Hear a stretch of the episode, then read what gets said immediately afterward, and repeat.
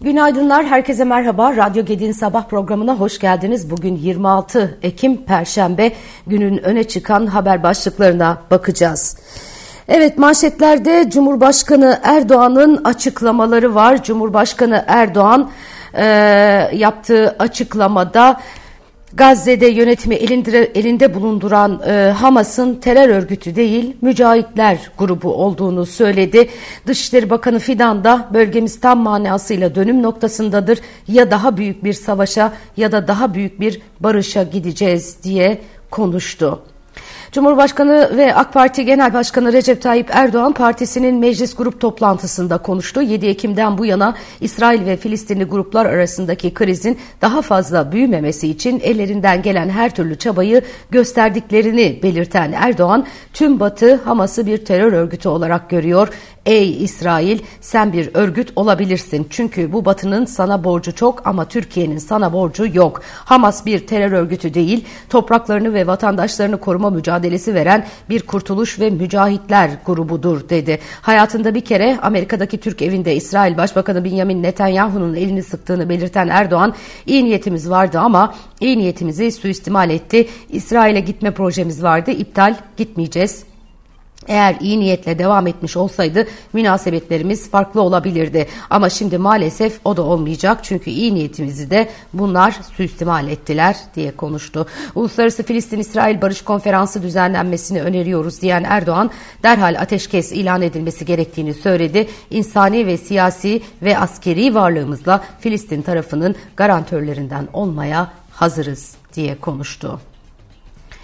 Cumhurbaşkanı Erdoğan'ın konuşmalarının arkasından Borsa İstanbul sert satışlara sahne oldu. BIST 100 endeksindeki kayıpların %7'yi aşmasıyla endekse bağlı devre kesici sisteminin çalıştığını ve pay piyasasındaki tüm sıralarda işlemlerin geçici olarak iki kez durdurulduğunu duyurdu.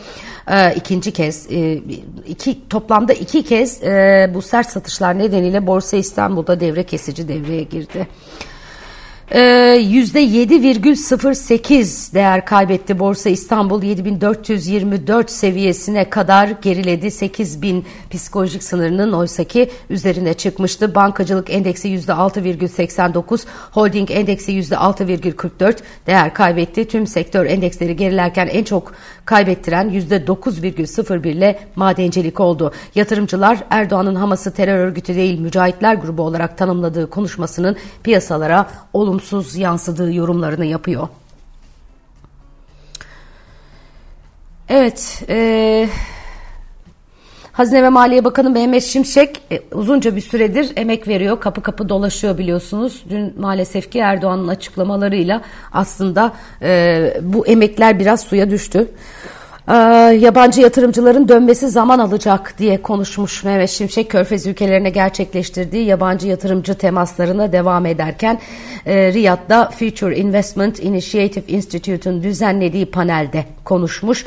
Yeni normalin sağlam politikalarla güven, güven inşa etmek olduğunu vurgulayan Şimşek bu nihayetinde portföy ve doğrudan sermaye girişlerine yol açacak. Sermaye girişleri dezenflasyon sürecini hızlandıracak. Lirada reel değer kazancı yaratacak. Ee, yabancı yatırımcı girişleriyle ilgili olarak da Bakan Şimşek yatırım yabancı yatırımlar geri dönecek ama zaman alacak diye konuşmuş bu sözleri de manşetlere taşınmış durumda. Emekliye 5 bin lira ikramiye konusu meclisten geçti. Çalışmayan emeklilere 5 bin lira ikramiye ve günlük kiralanan konutlarla ilgili teklif Meclis Genel Kurulu'nda kabul ederek edilerek yasalaştı.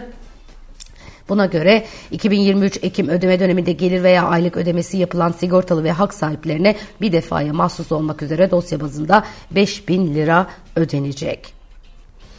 Otoyol ve köprülere zam gelmişti biliyorsunuz. Bu zam ertelenmiş. Karayolları Genel Müdürlüğü'nün 25 Ekim'den itibaren geçerli olacağını duyurduğu otoyol ve köprü ücretleri zammı Cumhurbaşkanı Erdoğan'ın talimatlarıyla Ocak 20, 2024'e ertelendi deniyor.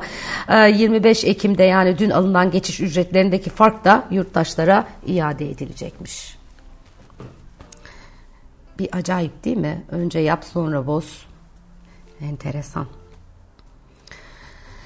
Evet, e, Savaşın 19. gününde basın açıklaması düzenleyen İsrail Başbakanı Benjamin Netanyahu 7 Ekim'deki saldırılarla ilgili olarak İsrail Savunma Kuvvetleri'ndeki güvenlik açıklarının en ince ayrıntısına kadar soruşturulacağını ve kendi dahil herkesin hesap vereceğini ifade etmiş. Netanyahu 7 Ekim tarihine e, e, tarihimize kara bir gün olarak yazılmıştır. Fakat hesap verme meselesi ancak savaş bittikten sonra başlayabilir demiş. Kara, kara harekatı için hazırlık yapıyoruz. Ne zaman zaman olacak, nasıl olacak bunların detaylarına girmeyeceğim demiş.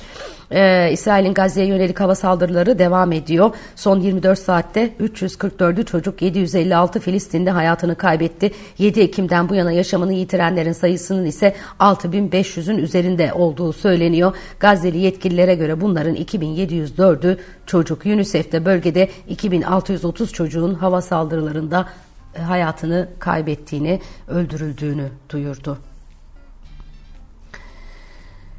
Dünya Bankası Başkanı Ajay Banga, Orta Doğu'da devam eden çatışmaların sona ermesi ve barışın sağlanmasının zaman alacağını söylemiş. İsrail ve Hamas arasındaki çatışmaların bölgesel işbirliğini zorlaştırdığını ifade etmiş.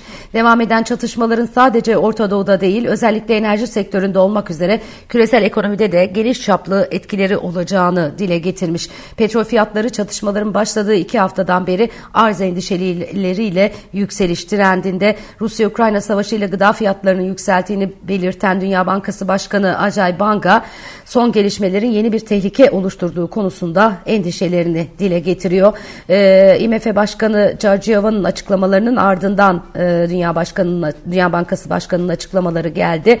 IMF Başkanı Georgieva da İsrail-Hamas çatışmasının hali hazırda kasvetli ekonomik görünüm üzerinde kara bulutlar oluşturduğunu söylemiş idi. Evet, e, bugün Merkez Bankası'nın faiz kararı var. Türkiye Cumhuriyet Merkez Bankası e, bugün e, faiz kararını e, açıklıyor olacak e, faiz politika faizinin 500 bas puan artışla %35'e çıkarılması bekleniyor. PPK toplantısının yanı sıra Merkez Bankası tarafından açıklanacak olan haftalık para banka ve menkul kıymet, kıymet istatistikleri ile BDDK tarafından açıklanacak haftalık bankacılık sektörü verileri de bugün yine takip edilecek veriler arasında yer alıyor. Yurt dışında ise Avrupa Merkez Bankası'nın faiz kararı var. Piyasa beklentisi politika faizinin %4,5 seviyesinde sabit bırakılması yönünde ECB kararı kararının yanı sıra bugün Amerika 3. çeyrek büyüme, dayanıklı mal siparişleri ve çekirdek PCE verilerini de açıklayacak. Bu veriler de yine takip e, edilecek e, piyasalar e, tarafından. Evet, e, bugünün notları özetle böyle e, sevgili arkadaşlar. E, zor bir dönemden geçiyoruz. E, gerçekten e, bu zor dönemde e, herkese Allah kolaylık versin. E, bu arada e, bitirirken bahsetmeden geçemeyeceğim. İstanbul Gedik Üniversitesi Cumhuriyet'in 100. yılını kutlamak amacıyla olağanüstü bir çalıştay gerçekleşti. Cumhuriyet'in 100. yılında her alanda güçlü kadın çalıştayı iki gün süren harika sunumlarla e, tamamlandı. E, İstanbul Gedik Üniversitesi gerçekten e, müthiş bir e, kutlamaya bana kalırsa imza attı.